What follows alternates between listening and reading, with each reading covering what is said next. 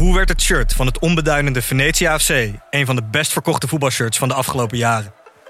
Wat is er zo geniaal aan de MLS-deal van David Beckham? En waarom vinden we het normaal dat jeugdspelers gezien worden als investeringsobjecten? In de podcast Grof Geld onderzoek ik, Sam van Raalte, voetbaljournalist, samen met merkstratege Per van der Brink de macht van geld in de voetbalwereld. Wat gaat er schuil achter de wereld van sport en glamour? En wie profiteert er? Luister naar Grof Geld en hoor hoe de Skybox de staantribune beïnvloedt. Deze podcast is 100% expertisevrij en alleen geschikt voor amusementsdoeleinden. De inhoud mag dus niet worden beschouwd als financieel advies. Dit is Jong Beleggen, de podcast. Ik ben Milou. En ik ben Dennis. Ja, Dennis, inderdaad, want Pim is op vakantie en wij gaan het hebben over, eh, nou ja, elk moment dat het even niet zo lekker gaat op de markt. Ja, gaan het hebben over dips, correcties, crashes, bear markets. En oorlog. Ja, ik ben even in de geschiedenis gedoken van de aandelenmarkt in tijden van oorlog. Ik ben heel benieuwd naar je bevindingen. En we hebben een portfolio-update van je te goed. Ja, dat klopt. En er zitten wel een aantal interessante eh, transacties in. Sinds ik hier voor het laatst was, dat was in december. Oké, nou, laten we beginnen.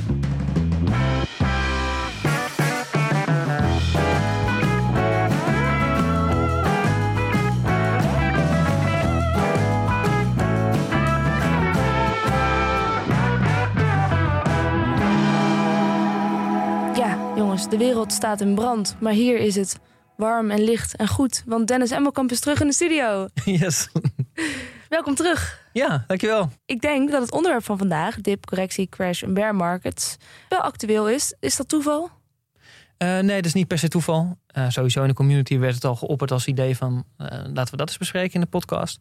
Alleen het was nu natuurlijk, qua timing... kwam dit natuurlijk wel goed uit... nu we er ook wel redelijk middenin zitten. Boerige tijd op de beurs. Ja, eh, Merk je daar veel van in, jou, in jouw portefeuille? Jawel, maar eigenlijk, uiteindelijk valt het nog wel een beetje mee. Want jij zit niet met heel veel aandelen in Rusland. Denk ik. Nee, dat sowieso niet. En sommigen hebben er natuurlijk wel last van. Eh of bijna elk bedrijf heeft tegenwoordig geval op de beurs eh, eh, wel last van. Nee, ik geloof dat mijn portefeuille in ieder geval vanaf dit jaar op, op iets van min 8% staat. Ehm nou, dat is vervelend. Maar nou, Mhm. dat, dat valt gezien alles wat er aan de hand is, vind ik dat nog wel meevallen. Dat is heel overkomelijk. Ja. Maar goed, we gaan het hebben over, ehm, nou ja, meer algemeen niet over de oorlog alleen in Rusland. Komen we straks nog wel op terug. Maar we gaan het hebben over, over dipjes, correcties eh, en crashes en bear markets. Yes. Bear markets. Ja. Dus waarom pakken we deze alle vier samen? Of waar, waar wil je het vooral over hebben? Nou, het zijn eigenlijk, ze lopen in elkaar over. En ehm, het, het is ook niet dat elke term heeft niet een soort van officiële eh, definitie. Het is niet ergens in regelgeving vastgelegd, dan, dan is het dit, dan is het dat. Maar het is wel, de termen, deze termen hoor je en die lopen eigenlijk qua ernst of qua typering, eh, lopen ze een beetje in elkaar over. Het heeft in ieder geval allemaal te maken met een daling Ja. op, de, op de markt. Want je hebt wel officiële benaderingen voor, dat weet ik nog van de economieles vroeger, recessie en depressie. Daar heb je wel eh, zoveel kwartalen is een recessie en zoveel is een depressie. Ja, en dat komt een beetje uit de economische wetenschap als het ware. hè. Daar hebben ze daar wel definities gehangen aan dat soort termen.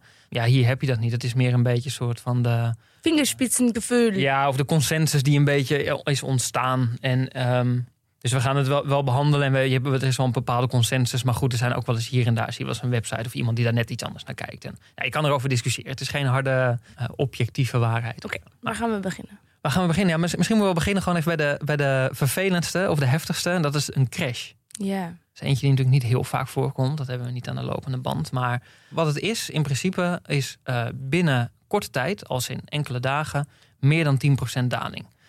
Dus dan is er iets gebeurd, ineens, een onverwacht grote eh, gebeurtenis meestal, nou, waardoor er zoveel onrust komt dat er eh, een eh, grote daling wordt ingezet. Op zich klinkt 10% niet eens als heel veel, of wel? Nee, dat kan nog wel meevallen als over de langere periode. Maar als het in, in enkele dagen. dan is dat niet omdat langzaam de economische omstandigheden aan het veranderen zijn. of, of dat soort invloeden. Maar dan is er echt een gebeurtenis. waardoor de boel in elkaar zakt. 1929? Ja, da, da, Gebeurde dat, daar was het een beetje de, een soort van ehm, financiële crisis eigenlijk. De- in, de, in die zin dat daar met heel veel geleend geld eh, belegd werd. Op een gegeven moment komt daar wat onrust. Dan ga je verkopen. En als je dat met geleend geld eh, die aandelen hebt gekocht, dan moet je dat geleende geld terugbetalen. Ehm, ja, dat ga je terugbetalen door je aandelen te verkopen. Dus dat Ja. was een crash in twee dagen tijd. Eén dag 13 procent, één dag 12. 12 Black Monday? Ja, Black Monday, Black Tuesday. Black Tuesday. Ehm, ja. Ja. Deze zien dat een beetje als ook het eikpunt volgens mij van de, ehm, de grote depressie in die tijd. Dat was een beetje daar, dat is een beetje het, het eikpunt ervoor. Uiteindelijk is, is die aandelenmarkt met meer dan 80% gedaald. Dus het is echt een enorme. Het was een enorm opgeblazen C-bel ook. Maar goed, we zitten nu een beetje in de crashterm. Het is eerst gecrashed en daarna nog verder weggezakt. Het is wel een hele heftige geweest in de historie. Mhm. En misschien een andere bekende ehm, was in 1987. Is er eh, in één dag, eh, als het goed is, is dat de grootste daling ooit geweest op één dag, 22 procent. Zo. en dat had vooral te maken met het handelen eh, van computers.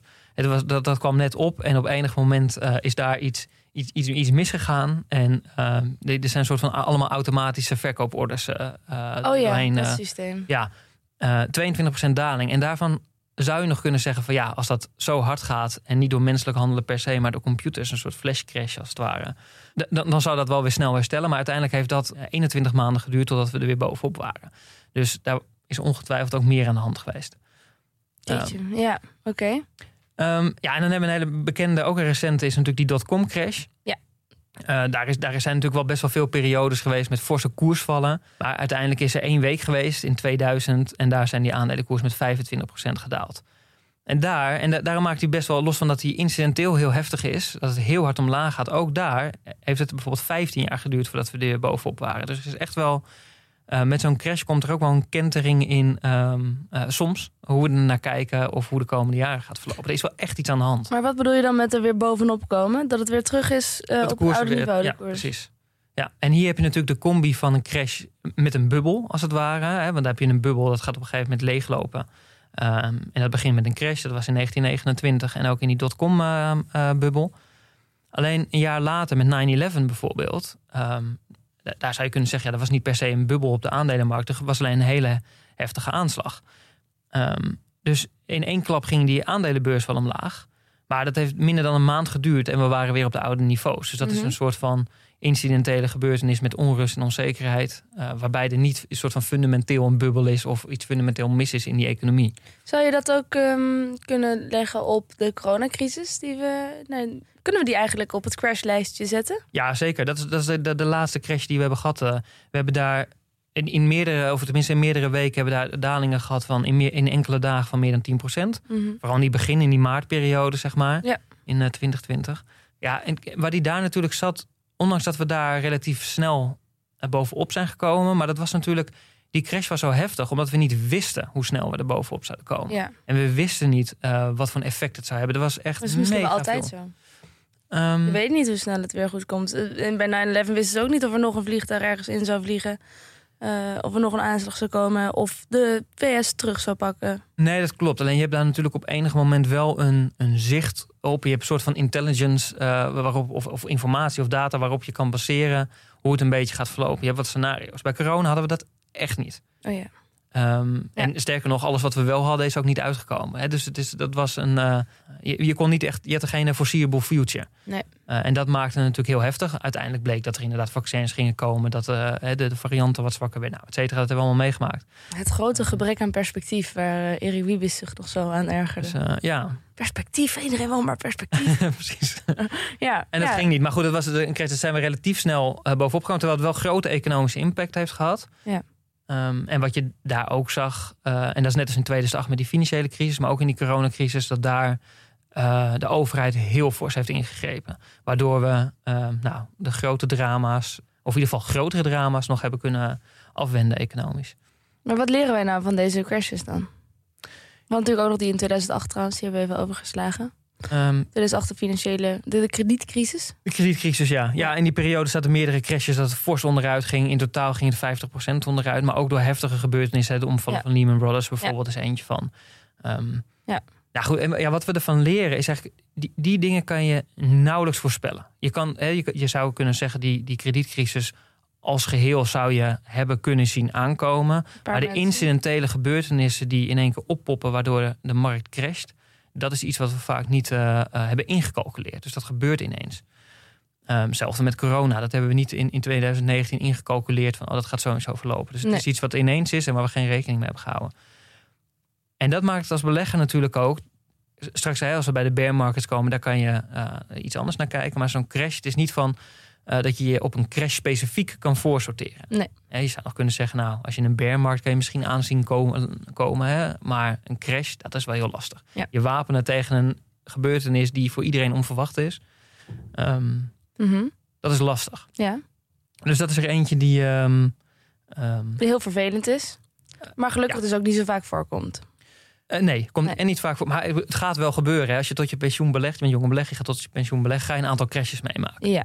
Ja. En, en wat er nu gebeurt met Rusland is dat ehm, ik weet niet hoeveel de beurzen zijn gedaald. En dat is natuurlijk, ja, er waren wel mensen die dat zagen aankomen op basis van inlichtingen.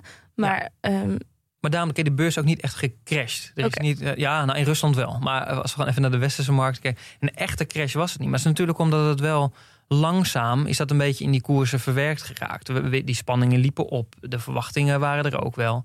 Ja. Ehm, dus de- de- daar, zit, daar heb je niet een crash omdat het niet extreem onverwacht is. Als het gebeurt zie je wel weer dat, hè, dat, dat de aandelenmarkt wat wegzakken.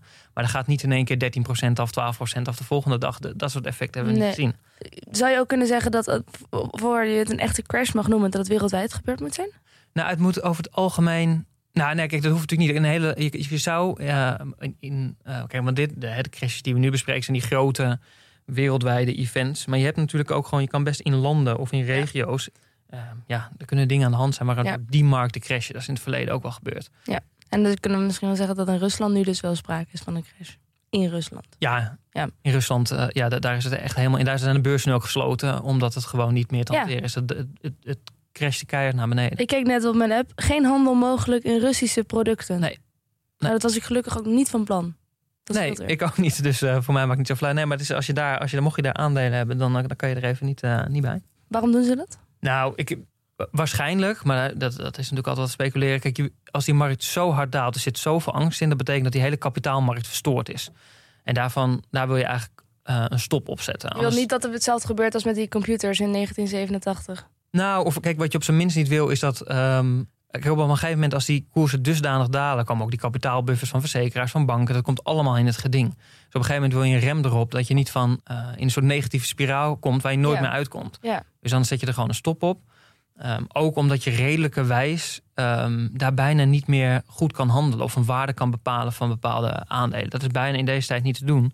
Als iedereen met z'n allen gewoon op de grote verkoopknop eh, aan het drukken is. Maar ik vind het toch gek dat dan een instantie is die dan bepaalt van nee, er mag niet meer gehandeld worden. Het is toch als alles wat ik daarin zou hebben staan aan Russische producten, dat is dan toch van mij. Is dat niet een vorm van onteigening? Nou, die geven het dan weer terug, maar wanneer zij het een geschikt moment vinden. Ja, maar dan is het, het grote belang, zeg maar, is dan ehm, eh, nou, Dat is daarmee meer waarde dan, dan het individuele belang of van een, eh, van een aandeelhouder. Ja. Ja, Dus het grote economische belang, zeg maar. Dictatoriaal bijna. Ja, in, Duitsland heb je het ook gezien in de Tweede Wereldoorlog. Daar is ook op enig moment is de beurs eh, is gewoon de stekker eruit getrokken. En die is pas jaren later pas weer opengegaan. Ja? Ja, en jaren later, ehm, toen het weer open ging, daar zijn de verliezen, ik, ik geloof iets met, met 80% in één klap naar beneden gegaan. Is het gewoon open gegaan en huppatee, eh die hele index is ingestort.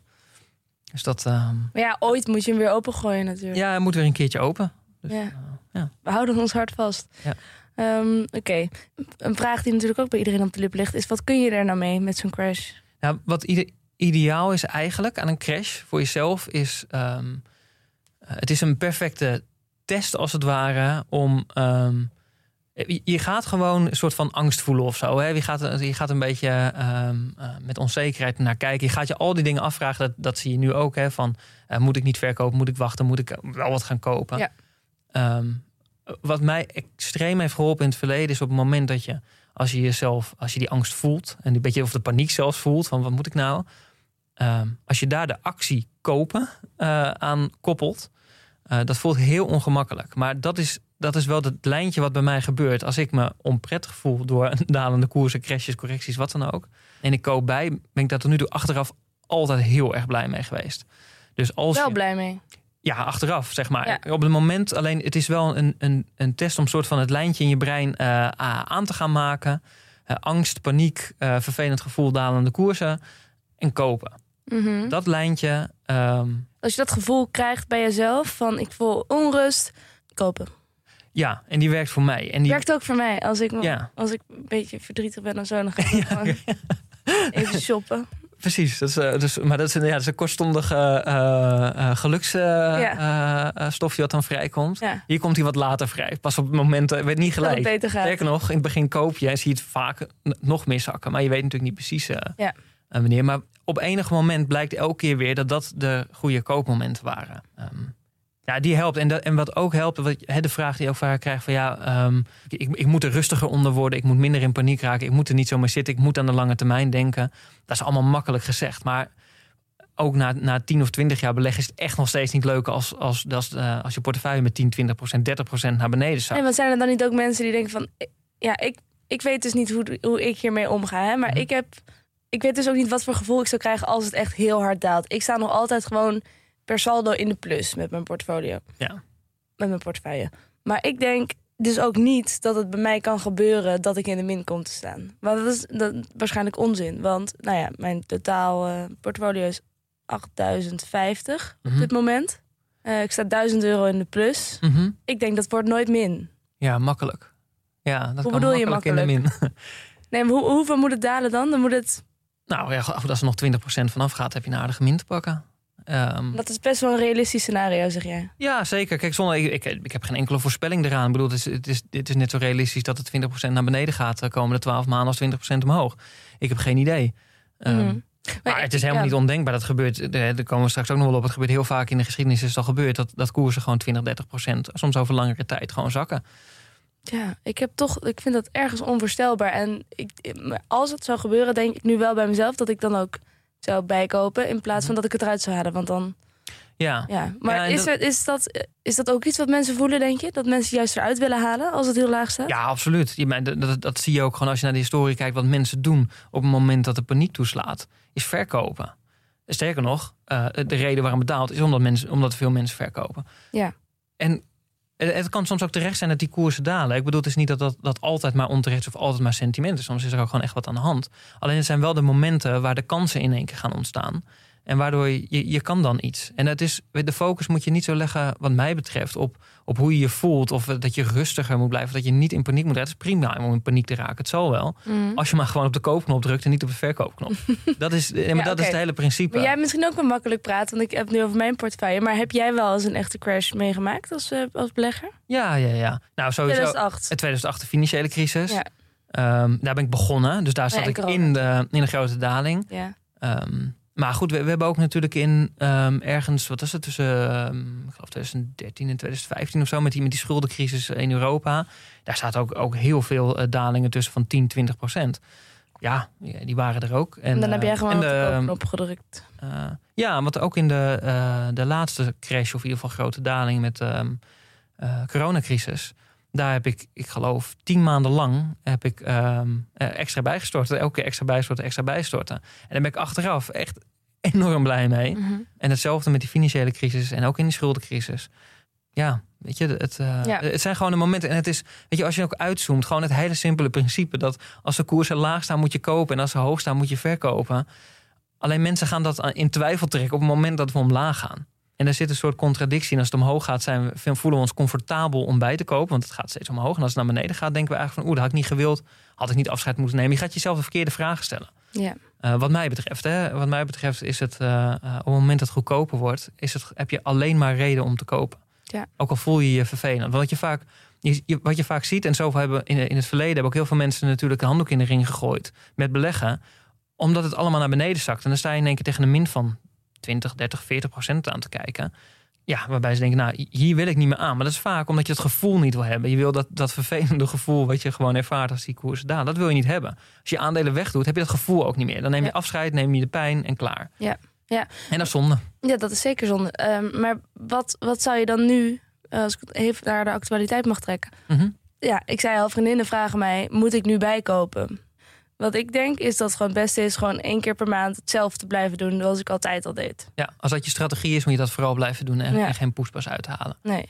Het is alleen als je. Um, kijk, sommige mensen, daar ben ik er ook een van. Ik heb gewoon een standaard maandelijks bedrag. Dat leg ik altijd in. Ja. Alleen ik heb er één regeltje bij. Is dat als ik geld beschikbaar heb, hè, dat is voorwaarde één. En uh, de boel zakt naar beneden.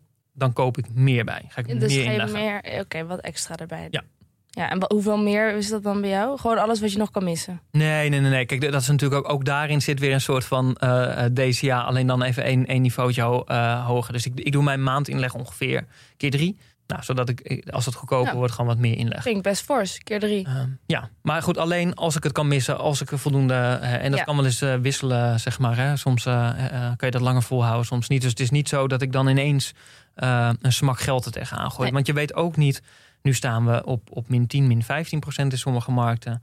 Ehm, eh, als je veel in tech zit, dan zit je denk ik wel op min 20 of min 25 procent kan zomaar zijn. Ja, je, weet ook niet wanneer die bodem er weer aankomt, zeg maar. Dus het is ook niet zo dat je dan ineens, eh, ineens hals over kop geld erin moet kwakken. Nee. En het moet, of nou, het moet. Het verstandigste blijft natuurlijk altijd, ook dat moet geld zijn wat je lange tijd kan missen. Het is niet geld wat je erin stopt, hopen dat het herstelt, om het er weer uit te trekken en dan je verlies weer. Weet je, het is geen. ehm, nou goed, dan ben je aan het speculeren. Eh, is, is, nou, dat is niet mijn. eh, eh, volgens mij moet je daarbij, zou je daar weg bij moeten blijven. En zou je nou, het gewoon voor lange termijn weer Ja. eh, erin moeten stoppen. Het is geen casino. hoor. Nee. We gaan het ook nog hebben over dips en correcties. Ja. En bear markets. Mhm. Waar gaan we beginnen? En wat is nou ook het, het verschil met die crash bij deze dingen? Het komt vaker voor. Ja, kijk, en als we beginnen met de bearmarkt bijvoorbeeld, dat is er eentje die, eh, die is niet het heftigste. Hè. Dat, gaat niet, dat, dat heeft niet te maken met dat er in één keer grote eh, klappen komen op de beurs. Dat heeft wel te maken, die is niet het heftigst, maar wel het vervelendst, zeg maar. Omdat dat over langere periode eh, eh, een, een, een dalende koersen zijn. Oké.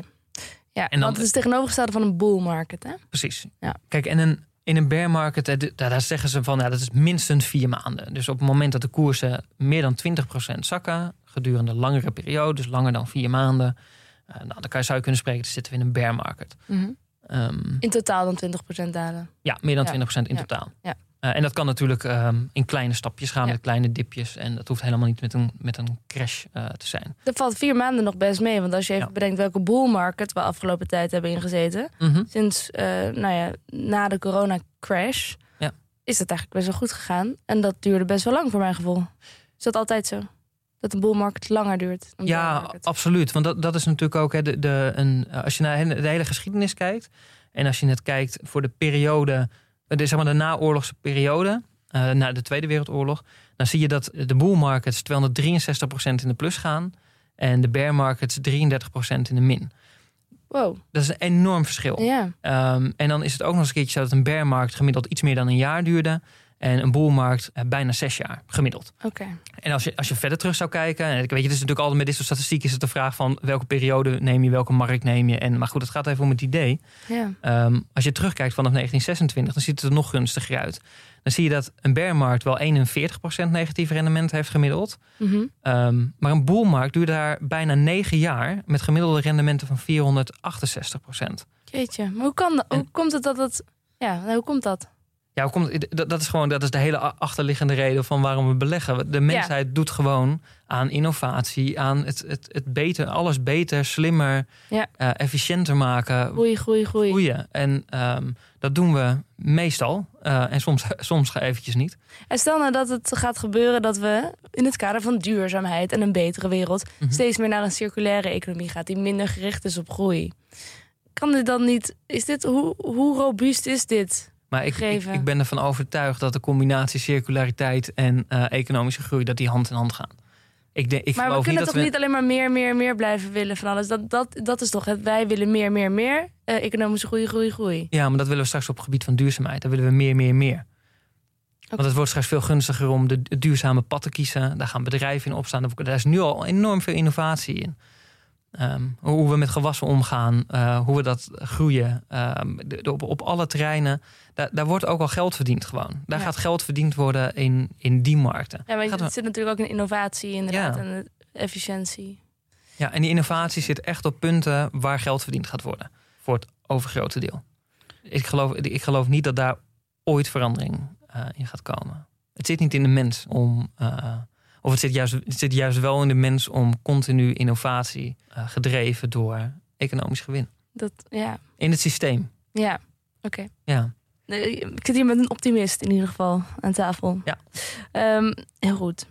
Ehm, en, en, en wat moet je doen met de beer? Ja, kijk, en, en dat is natuurlijk wel, als je kijkt naar. We zitten nu best wel een tijdje. Ik denk, ik denk al vanaf november kwakkelen die beurzen wel en, en zakt het dan wel een beetje weg. En er zijn natuurlijk ook best een hoop mensen die. Eh, jonge beleggers die ergens in die periode zijn begonnen. Eh, die zijn er gewoon. Ehm, en van die mensen stellen ook veel vragen van ja, eh, ben ik nu eerst ben ik te vroeg ingestapt? Moet ik Mhm. niet even wachten? Weet je, je kan er allemaal vragen over stellen. Maar als je het goed beschouwt, ben je eigenlijk in een veel betere periode gestart dan, dan wat dan ook.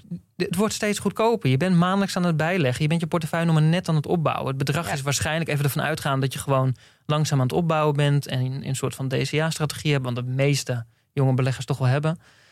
Ja, dan ben je elke maand ben je goedkoper aan het bijkopen. Ja. Maand in, maand uit. En je bent je eigenlijk soort van aan het voorsorteren op straks weer een boelrun van eh, Ja. misschien wel negen jaar of vijf jaar of wat dan ook. Dat is ook waar we met Pim over hadden met die, eh, die tekening van die ballen. Dat je aan het einde van een bull market Mhm. veel meer kans hebt om slechte aandelen uiteindelijk uit te zoeken. Ja. Dat er veel meer rode ballen bij zitten. En, en daarom heb ik ook medelijden met iedereen die aan het einde van, de, van deze afgelopen bull market zijn ingestapt. Want Mhm. daar wordt het nu moeilijk voor natuurlijk. Ja. Die gaan beginnen met een, ver- een verlies. Mhm. En dan moeten die dat heel langzaam weer gaan opbouwen en vertrouwen houden dat dat goed komt. Ja, en je hebt ook nog, kijk, als je het gewoon hebt over, heb je dan heel veel pech of zo? Ja, dat valt ook al mee. Je hebt gewoon pech, want het is ehm, van een kwartaal, een derde van de kwartalen heeft een negatief rendement. Dus het is niet zo dat je een grote eh, outsider pechvogel bent. Je, je hoort gewoon bij de groep een derde ehm, die, die gewoon nu toevallig een eh, negatief rendement Ja. heeft.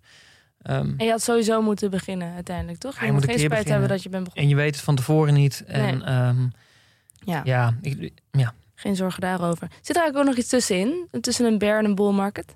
Ja, want dat- dat is natuurlijk dat is wel grappig. Want je hebt een, een bear market wordt van, van de absolute top tot een bodem ergens gemeten. Alleen dat is natuurlijk wel een hele specifieke eh, eh, periode. Er zijn geen mensen die eh, precies daar kopen en precies ergens anders verkopen. Dat zijn precies Mhm. de topjes.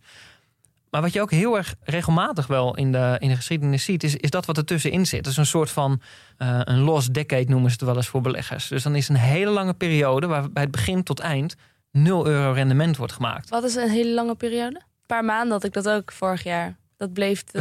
S&P 500 bleef op 75 euro de hele tijd staan. Ja, het kan heel veel langer zijn. Als je bijvoorbeeld kijkt in de, in ieder geval recente geschiedenis, heb je tussen 1965 en 1978 kwamen bij de S&P 500 0% bij. En tussen 2000 en 2013 precies hetzelfde. Geen euro te verdienen. En dat zit natuurlijk wel in die hele tussenliggende periode waren er wel, eh, ging de koers wel omhoog en omlaag. Maar per saldo eh, was het nul. Die, die periodes die, die zijn er gewoon. En, het, en, het- en dat is het ook wel.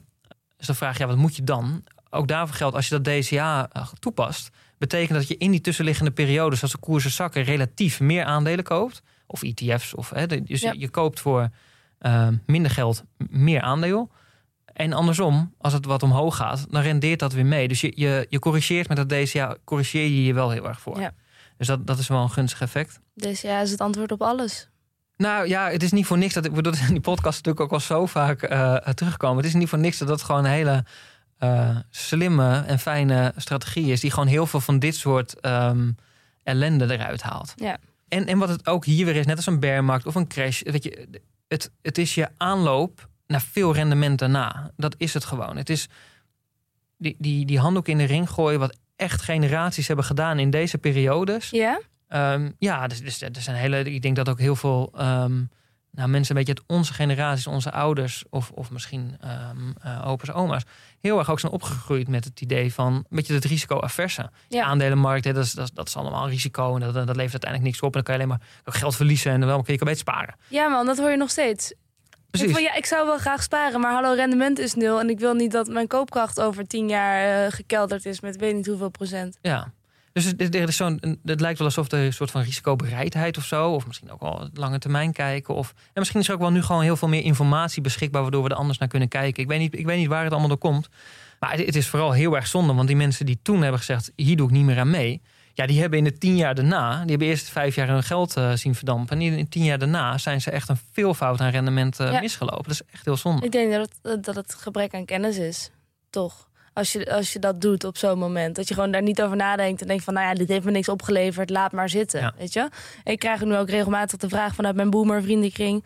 van, eh, En rennen alle jonge beleggertjes nu wel naar de uitgang? Ja. nee, niemand. Nee, en, en, en dat- dat is echt wel een verschil ook met, eh, met het verleden volgens mij. Want ik, ik zie, eh, nou ja, inderdaad, geen, of nou, ik heb ze nog niet gesproken, die in één keer denken van ik trek de stekker eruit en ik stop ermee. En over het algemeen, en helemaal in de community zie je dat ook, zie je dat ook jonge beleggers gewoon heel verstandig ermee omgaan.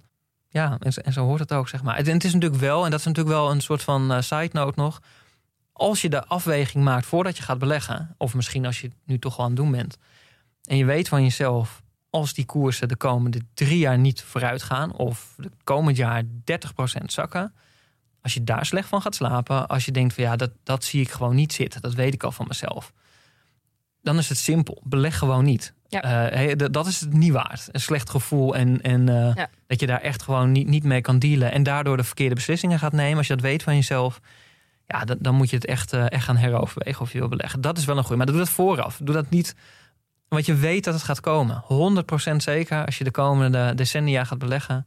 De crashes, de beermarkt en lange periodes van geen rendement ga je echt meemaken. Zin in. Ja. We gaan naar correcties. Correcties, ja, die komen alweer eh, net iets vaker voor. Ja, dan hebben we het over, Dat in is vaak. ieder geval na de Tweede Wereldoorlog, als je die periode bekijkt, dan komt het gemiddeld elke 2,5 jaar voor, Een correctie. een correctie. En duurt die gemiddeld vier maanden. En Ja. nou, dus dat, dat is vrij regelmatig, zou je kunnen zeggen. Dat is een daling van ook van meer dan 10%, eigenlijk net als een crash. Alleen dan gaat het over een periode van veel meer dagen of weken. Ja. Dan spreek je van een correctie. Oké. Ehm, en, en als je dan hebt over ja, de, de veroorzaker van de correctie, dat kan, kan van alles en nog wat zijn. Dat kan sentiment wat een beetje draait. Het kan ook wel economisch nieuws zijn, hè, wat, wat, wat aan tegenvallen is. Je zag bijvoorbeeld eh, de oplopende inflatie recent.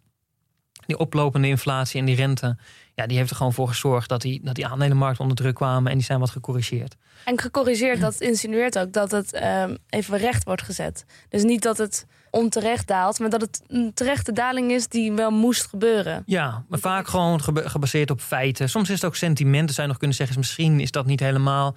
Maar goed, dat heeft vaak ook wel een bron. Dus weet je, daar, daar zit wel uh, daar zit meer de, het idee achter van. Uh, ja, het daalt best wel veel, maar er wordt Ja. gewoon nieuwe informatie verwerkt in die koersen. Ja, gewoon een, Over- co- een corrigerende tik. Maar hoe herken je uh, dat als belegger zelf? Dat, dat je dus niet uh, aan de voet staat van de afgrond, maar dat het gewoon even een correctie is. Ja, oké, okay, dat, dat, dat is super lastig. Want dan zit je al gauw ook een beetje aan de voorspellende uh, kant weer. Ja, oké. Okay, dus En dat weet je vaak pas achteraf dan ook. Ja, vaak achteraf. Wat je natuurlijk wel weet is, kijk, uh, een correctie kan je zo langzaam door de tijd heen wel een beetje volgen. En nou, helemaal achteraf. Maar je kan vooraf kan ook nog wel een beetje stellen van. Uh, nou, het is waarschijnlijker dat, hè, dat het niet zo hard omhoog gaat komen. Met die oplopende inflatie, wat we afgelopen maanden hebben gezien. Heeft Pim ook wel eens gezegd: van, ja, dat had je eigenlijk ook wel een beetje zo kunnen voorspellen. Ja.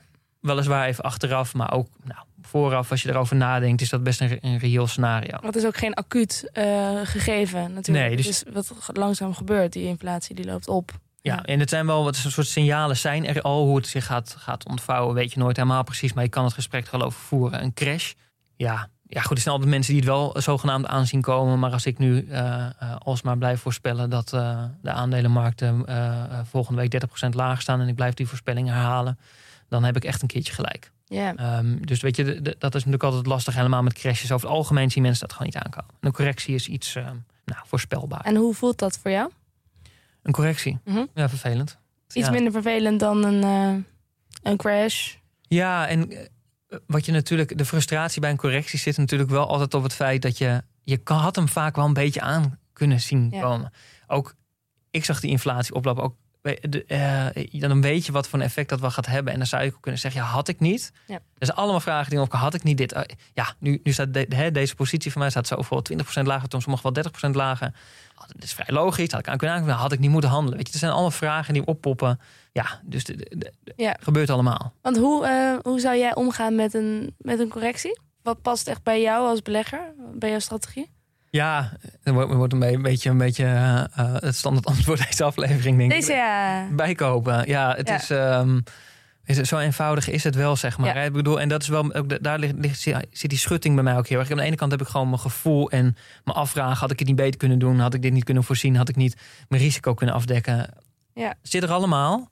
Maar wat ik doe, is gewoon, hey, dat, dat gevoel krijg ik. Dan is er één remedie. Ja, de koopknop. Uh, de koopknop. En, Ja. en eventueel wat extra's bijleggen. Maar we, we hebben, ik heb het afgelopen uh, uitzendingen ook al wat vaker voorbij horen komen. Is, er is ook een manier om je risico een beetje af te dekken. Ja. Namelijk met derivaten, waar Mees Bovenlander het vorige Ja. week over had. Uh, je hebt opties om je risico af te dekken. Doe jij daaraan? Nee, het kan wel. Ik bedoel, het is niet, ik ben helemaal niet een anti-afdekker, zeg maar. Um, het kan prima. Um, je zou nog kunnen zeggen, ja, als je daar gewoon beter van slaapt, um, nou ja, misschien waarom niet. Alleen het grote risico wat je, wat je loopt, meestal kost het meer geld om meerjarig elke keer je risico af te dekken. Want wanneer ga je risico afdekken als je wat angst voelt of als je wat uh, risico's ziet. Mhm. En dat je denkt, nou ga ik maar afdekken. Alleen op lange termijn uh, kost over het algemeen het afdekken van risico's meer rendement dan het gewoon laten lopen en af en toe de daling mee te maken. Ja, het is een soort kattenverzekering. Ik moest laatst ook met Puppyfred moest ik naar de dokter, want die had een plant gegeten. Moest ik 280 euro uh, aftikken. Dan denk ik van ja, had ik nou maar een verzekering genomen. Maar die drie ja. jaar hiervoor is er nooit iets aan de hand geweest. Precies. En het is ook misschien een beetje met eigen risico in, in de zorg of wat dan ook. Hè. Je hebt op een gegeven moment maak je een, een afweging. Hoe, hoeveel, hoe hoog mag je verzekeringspremie zijn? Het is heel prima als je ook in hele goede tijden je rendement iets niet erg vindt dat het wat gedempt wordt. Maar dat je niet die harde daling krijgt. Weet je, dus, daar is niks mis mee. Ik doe het niet omdat ik vind het prima. Dan zit ik het uit en dan voel ik me maar even een paar dagen vervelend. Het is Ja. wat het is. En wat ook het verschil is. Kijk, Mees, die weet extreem veel ervan. Die leest wetenschappelijk onderzoek. Die is zo erg bezig met beleggen dat hij er ook een soort van eh, feitelijke onderbouwing en argumenten voor heeft. Ja. Dat is wat anders dan, de, denk ik, hè, de gemiddelde belegger die met hele andere dingen bezig is. En dat gaat doen op basis van onrust of angst of Ja. onzekerheid of de angst om geld te verliezen. En ik denk dat dat niet de goede reden is om je risico Nee. af te dekken. Want voor je het weet ben je de hele boelmarkt je risico aan het afdekken. Want ook als koersen in een jaar 20% omhoog gaan, in de coronaperiode bijvoorbeeld. In die coronaperiode, ook toen het steeg, is er geen moment geweest dat er geen onrust was. Of dat we niet zeker wisten hoe lang dit nog ging duren. Ja. Nou, de financiële crisis is hetzelfde. Koersen spoten omhoog, maar onrust maximaal. Je had genoeg reden om, eh, om je risico's af te dekken. Ja. Wij erkennen sowieso onze meerdere inmees eh, wat dit betreft. Ja, wat dit betreft zeker. Ja. Ehm, wat is het verschil met een dip? De correctie versus de dip. Ja. Ja, dip zou je kunnen zeggen, dat is een beetje de, de orde aan de dagdaling. Eh, dus dat gaat een beetje over een kleine daling. Hè, wordt wel, daar hebben we het dan over 5 tot 10 procent.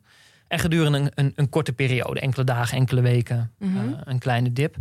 En ook in een stijgende trend. Want anders, als het in een dalende trend is, heb je het niet, is het niet meer een dip. Dan zijn we aan het corrigeren, zit je aan de bear market of ben je aan het crashen. Dus het is wel een, de nuance zit hem erin. Ja. Eh, als we in een boelmarkt zitten en af en toe Ja. zakken we eventjes weg, enkele dagen, enkele weken. Nou, dan hebben we een dip. Oké. En, en ja, de veroorzaker van een dip, daar waar je bij een correctie nog kan zien van langzame. eh hè, wordt er wat informatie verwerkt, economisch nieuws of wat dan ook. De veroorzaker van een dip, ja, die. In het nieuws wordt er wel aangegeven, het komt hier, dat komt hierdoor. Maar Ja. ja, dat, is, dat is zo divers. De echte veroorzaker, die kan je dan vaak niet aanwijzen. Het is ook misschien niet zo interessant, want het klinkt alsof dit wel een paar keer per jaar dan voorkomt. Ja, precies. Ja, klopt. De, de- gemiddeld drie keer per jaar. Dus gewoon Ja. voor langere periode, drie keer per jaar. Dus dat is gewoon, gewoon regelmatig. Ja. En dan hebben we het ook nog over de, de dip in, in de brede index. Als je Maar goed, ja. Ja. ja, als je naar losse aandelen kijkt, nog veel vaker. Dan barst het ervan. Ja, maar je, bent je denkt toch, tenminste zeker ik als eh, net begonnen belegger van... oh, een dip, dit zou misschien wel het, het, eh, het einde van de bull market kunnen inluiden. Ja. Kun, je, kun je dat zien? Kun je dat weten? Kun je dat voelen? Kun je dat monitoren? Nee, ik denk het niet. Dus het is gewoon, dat het maakt een dip toch ook wel spannend. Twee à drie keer per jaar. Ja, en, en dat zie je natuurlijk ook altijd gebeuren. Op het moment dat we dip, is altijd de vraag... is dit een soort van dip in de stijgende trend? Gaan we gewoon weer, hè, is het een soort van... eh, dat, dat beleggers zich weer verenigen en Ja. denken kopen eh, die handel? Of is het, ehm, ja, is het de voorbode van eh, een soort van trendwijziging Ja. of zo? Ja. Maar het stomme is dat we... We hebben het er dus de hele tijd over. Dat komt vaak terug als onderwerp bij beleggers. Mensen vragen altijd, rennen jullie al naar de uitgang? Uiteindelijk maakt dit helemaal niets uit voor hoe je met je, wij als lange horizon jonge beleggers, Mhm. Hoe, hoe wij met ons portfolio omgaan. Hoogstens gaan we nog wat bijkopen. Het Ja. is altijd hetzelfde antwoord. Ja, Dus helemaal, Ah, ja. eigenlijk is het allemaal helemaal niet, niet om jou af te vallen, maar het, het maakt allemaal niet uit. Nee, eh, eh, absoluut. Eh, absoluut. Alleen het, het is natuurlijk zo'n onderwerp, omdat het altijd. Er is wel en veel nieuws over, en dat is ook interessant. Maar het, het, het komt natuurlijk bij iedereen op. En ook bij mij, hè. En ook, ook, ook als je langer belegt. Het voelt gewoon niet fijn. Dus je stelt jezelf ook die vragen. En het is. En, en dat is natuurlijk ook altijd hè, die- niet in paniek raken als de boel eh, in elkaar stort. Ja, dat is makkelijker gezegd. Maar als je je geld iets wil, gaat het gewoon gebeuren. Je, raakt, je krijgt een vorm van paniek, onrust of wat dan ook. En dat is ook prima. Het gaat puur om de actie die eraan koppelt. En dat is wel een belangrijke. En dat is niet een simpele. Het is gewoon niet simpel op het moment dat je eh, de koersen naar beneden gaan om te kopen. Dat voelt gewoon onprettig. En Ja. dat, is, dat is wel een beetje op het moment dat je ook eh, som, naar sommige beursexperts hè, of, of handelaren luistert. Dat je, die, die zijn dan heel rustig aan het uitleggen dat het hun allemaal niet raakt. En eh, ja, dan denken we, of je hebt geen skin in de game, je hebt die, je hebt die aandelen helemaal niet. Ehm, eh, of je staat jezelf een beetje op te blazen als verstandige belegger ehm, eh, op televisie of zo, of op radio of in een podcast. Ja. Ehm, het is gewoon lastig. Voor mij is het ook de zaak. Ik, ik krijg best wel vaak de vraag van ja, hoe kan ik me minder onrustig voelen? Weet je, wa- wa- waarom, waarom heb ik hier zoveel last van? Als ik er zoveel last van heb, moet ik dan niet stoppen? Het punt is, je moet niet vechten tegen dat gevoel, zeg maar. Dat is prima. Eh, Accepteer het, laat het er zijn, sta in je kracht. ja, iemand die zegt dat het hem niet raakt, ja, ik geloof dat gewoon niet. Dat kan gewoon niet. Nee. Het is gewoon vervelend. Ehm, Nou, Dennis, kun je vertellen? Het raakt mij niet. nee? Nee, het raakt me wel een beetje. Ja, een beetje. Natuurlijk, en dit is nog nog kleiner. En het is, het is natuurlijk ook hoe langer je het doet, hoe milder het wordt. Hè? Want op een gegeven moment, wat mij natuurlijk ook heel erg helpt, is dat ik heel tevreden terugkijk op de momenten dat als het voor ze inzakt, dat ik heb bijgekocht. Ja. En een half jaar of een jaar later keek en dacht van, nou, dit is het beste wat ik toen heb kunnen doen. Ja. Ja, dat, dat geeft me wel vertrouwen in de volgende dalingen dat ik dat weer doe. Weet je, dat, dus dus je, je, je gaat er wel iets, iets milder in zitten. Ja. Maar ja, helemaal als beginnende belegger, het is oké om dat gewoon een beetje doorleven. Om het weer terug te gaan naar By the Dip. We hebben het nu over de dip. Hebben we het alleen over deze dip? Hebben we het over alle dips? Nou, wat natuurlijk interessant is, eh, als je die DCA-strategie, als je die afzet tegen een soort buy the dip strategie, want die lijkt natuurlijk veel verstandiger. Gewoon elke keer als er een dip is, dan kopen, dan koop je gewoon wat goedkoper. Ja. Ehm, maar goed, als je over bijna elke periode eh, in de geschiedenis, in ieder geval wat langere periode, als je die strategie zou uitleggen, dus of elke maand sparen en pas inleggen bij een dip, versus eh, maandelijks inleggen of maandelijks kopen, dan, dan legt die buy the dip legt het heel erg zwaar af. Maar dat Mm. komt omdat er gewoon soms ook lange periodes van stijgingen zijn, waarin er geen dip komt. Als je dat niet hebt ingelegd, dan mis je die hele stijging. En ga je pas bij het kleine dipje van die, van die 5% of 10%, ga je pas weer inleggen. Dus je mist eh, het feit dat je te veel stijging mist, weegt niet op zeg maar, tegen dat dipje. Ja, ja, dus je hebt wel wat geld er natuurlijk in zitten, die die stijging wel meemaakt. Precies. Maar als je was blijven inleggen, dan had je veel meer daarvan Nog kunnen meer. profiteren. Ja. Hmm. Dus dat hele principe. En je kan hem natuurlijk nog wel hybride maken. Dat is ook wat ik doe. Ik heb gewoon een standaard Ja. bedrag. Dat werkt altijd. En dat is prima als dat ook een paar jaar gewoon eh, zo doorgaat. Maar als er een correctie komt, ehm, Ja. ja, dan leg ik wat extra in als het kan. Zullen we het ook nog even over de oorlog hebben? Ja, Je bent even eh, in de geschiedenis van de oorlog gedoken. ja deze want- aflevering. precies. Want daar, heb ik, eh, daar, daar heb ik me eigenlijk, had ik mezelf ook nog nooit echt in verdiept. Maar ook omdat het natuurlijk ook sinds in ieder geval de tijd dat ik beleg nooit echt een issue is geweest. Niet op deze schaal in ieder geval. Ehm, maar als je terugkijkt, en dat is misschien wel het gekke, is dat oorlogen een relatief kleine invloed hebben op eh, aandelenmarkten per saldo Hmm. in de geschiedenis. La- laten we dan eens een, een paar doorlopen. Laten ja. we beginnen bij de Eerste Wereldoorlog. Ja, daar heb je wel in de eerste maanden, daar daalde de Dow Jones bijvoorbeeld, die daalde wel fors, die daalde 30% Dus toen is de markt ook tijdelijk gesloten geweest, overigens een half jaar ongeveer. Maar toen de markten weer openden, gingen de koers met 88% omhoog. Dus die, die daling van 30% die, die was heel snel weggepoetst. En als je dan die hele oorlogsperiode, Eerste Wereldoorlog, bekijkt, stegen de koersen per saldo met 43% Daar, is- daar is niet Oh. zo heel veel eh, geks aan, ook niet in historisch perspectief. Ehm, Oké. Vervolgens in de, in de Tweede Wereldoorlog, wat daar wel bijzonder is, is dat op het moment dat Hitler Polen binnenviel, ging de Dow Jones met 10% omhoog. In één klap. Ehm, Maar zou dit dan niet, niet ook te maken hebben met dat er gewoon heel veel geld wordt verdiend aan oorlog? ja, en helemaal in die tijd, en ik, ik, ik bedoel, ken de geschiedenis niet heel specifiek, maar daar was het ook, daar hing een soort hoop van, hé, hey, dan eh, is er voor de werkgelegenheid, is dat goed? En dat soort zaken. Ja. Ehm, die werden daar wel een beetje in meegenomen. Uiteindelijk ehm, krijgt de economie in de breedste zin van het woord gewoon een soort van injectie van Ja. eh, geld. Want er moeten wapens gemaakt worden. Precies. Er moet nu ook heel veel technologie waarschijnlijk ontwikkeld worden. Er, moet, er wordt heel veel gereisd, veel gevlogen misschien. Eh, ja, uiteindelijk is het voor een economie misschien zelfs goed nieuws. Wat het ook heel schrijnend maakt natuurlijk tegelijkertijd. Ja, Maar en- ook verklaart wel waarom het wat minder effect heeft op aandelen. In die Tweede Wereldoorlog, de, de, de, die, die beurs die is met, eh, uiteindelijk met 50% gestegen in die periode. Dus dat is ook gewoon een heel net rendement. Nou, dan kunnen we de andere oorlogen, de Vietnamoorlog is ook een bekende. eh, tussen 65 en 73 stegen de koers met 43%. En dan hebben we het over de Amerikaanse aandelenmarkt. Eh, de Korea-oorlog tussen Mhm. 1950 en 1953 stegen we 60%. Ehm, Ja. nou, weet je, het, zijn, het zijn wat voorbeelden dat er per saldo gewoon niet zoveel effect is. Ja. Alleen als je natuurlijk naar bepaalde gebeurtenissen in die periode kijkt, ja, dan heb je wel gewoon korte termijn effecten die wel voor zijn.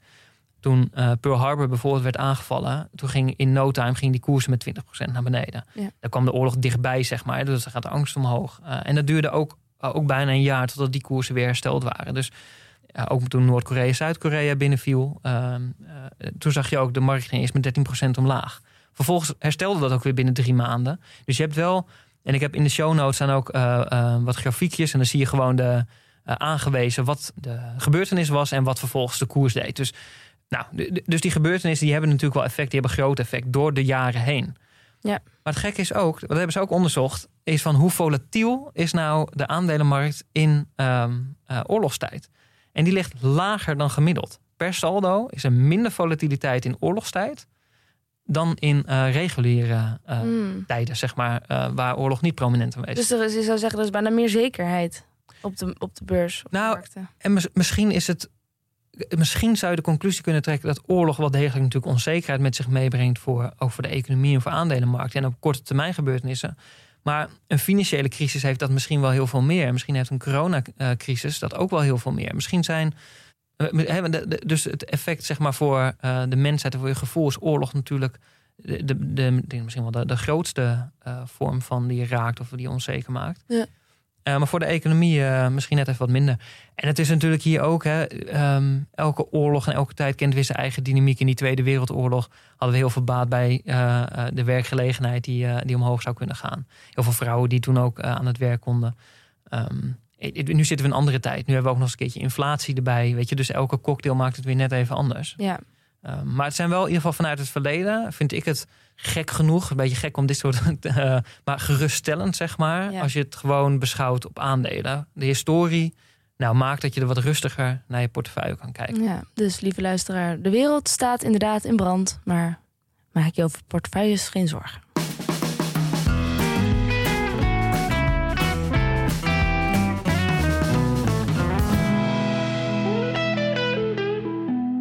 Ehm, terugkijkend en samenvattend. Nou ja, samenvattend kan ik wel zeggen. Gewoon eh, de samenvatting van dit gesprek is DCA.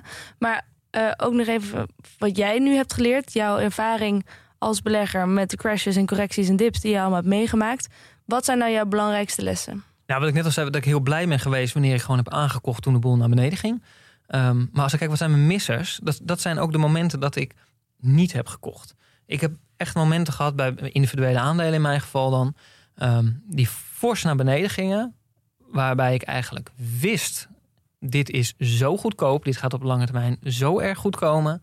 Ehm, dit is het moment. Maar dan hangt er zoveel onzekerheid, zoveel angst eh, om, omheen. Of hè, je voelt gewoon van ja, het kan nog wel verder naar beneden. Nou, Misschien komt er nog meer ellende uit. Of ik heb een aantal keer gewoon gedacht, nou, ik, ik wacht het even af. Ik ik ga even wachten. Even kijken dat er iets meer rust eh, eh, is in dat bedrijf. Of iets meer bewijs van, ah, het gaat de goede kant op. Maar ja, tegen de tijd dat ik dat vinkje kon zetten, was de prijs alweer dusdanig, dat was niet goedkoop meer. Dus de, mijn missers zijn als ik terugkijk, had ik het maar wel gedaan, had ik het maar gedurfd, had ik maar gewoon gedacht, dit komt goed. Nou, dat Ja. dacht ik wel, maar ik heb er niet aan gehandeld. Dat is het. Hè. Ik geloof nog steeds dat ik dezelfde, hetzelfde gevoel heb als ik ga naar ga kijken. Alleen ik moet gewoon ehm, met wat meer zelfvertrouwen dan had ik toen moeten doen, toch op die koopknop drukken. Ja. dat is wel ehm, een belangrijke. Nou, luisteraar, doe er je voordeel mee. Ja. Dennis, er is mij ook een portfolio-update beloofd van jou. Yes.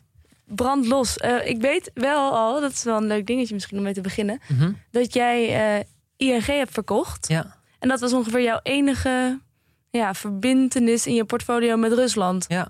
En dat heb je op precies het goede moment verkocht? Voor- Vooruitziende blik. Wat, wat is ook weer de, de, de associatie van ING met Rusland? Nou, die, die, die zitten daar, ik weet het niet exact, maar die zitten daar gewoon verwikkeld financieel, zeg maar. Die Ja. hebben daar ook gewoon eh, zaken Ja. lopen. En Ja. eh, hoeveel dat precies is, eh, geen idee. Ik weet volgens mij zelf ook nog niet. Maar wat we wel weten is dat de, de koers gekelderd is van ING. Ja. Enorm, ja. En, en kijk, het is natuurlijk meer geluk dan wijsheid dat het precies zo valt. Ik, had, ik heb het verkocht eh, gewoon omdat het eh, op of iets over fair value zat. En ik, eh, nou, wel bedacht, ja, heel veel korting zit er niet meer in. De risico's blijven relatief hoog, ook met oplopende inflatie en oplopende rentes. Wat in dit geval volgens mij voor banken niet goed is, een oplopende rente in, dit, in deze economische tijd. Maar goed, Mhm. die heb ik verkocht. Ehm, ja, en uiteindelijk was het goede timing, want nu is het ingestort. ja, daar ben je blij mee, denk ik. Ehm, Zijn er andere dingen? Want je hebt heel veel transacties gedaan. Ik Ja. zie hier een hele lijst. Zijn er dingen die je eruit wil pikken? Nou, kijk, de, de meeste zijn natuurlijk gewoon het, het bijkopen. Ehm, ja, elke maand wat storten en op een gegeven moment ga je gewoon positie die je al hebt, ga je bijkopen. Daar is nou, niet zo heel veel spannends over, te- over te melden, behalve dat het wel allemaal aandelen zijn die, die fors gecorrigeerd zijn de afgelopen weken, maanden. Ehm, dat is bijvoorbeeld Pinterest, is fors naar beneden gegaan, heb ik bijgekocht. Alstom geldt hetzelfde voor, die hebben we natuurlijk in de eh, laatste keer dat ik hier was, hebben we die behandeld. Ja. Die heb ik bijgekocht. Zalando, Tor is het ook wel eens in de podcast natuurlijk langsgekomen. En die Tor. heb je aangekocht omdat ze gedaald waren. Dus die onderwaardering eh, is groter geworden. groter geworden. Ja. Ja. Groter geworden. En ja, nou, het, het geld wat gewoon eh, maandelijks daarheen stroomt, heb ik daarin gestopt. Ja. En wat wel interessant is, in december heb ik eh Kion deels verkocht. Heb ik ongeveer een derde van mijn positie heb ik verkocht, omdat hij ook gewoon op fair value zat. Maar was nog niet helemaal klaar voor om hem helemaal weg te doen. Eh, vervolgens is de koers gezakt en die heb ik ehm, deze week bijgekocht. Dus ik heb dat in december verkocht voor 101.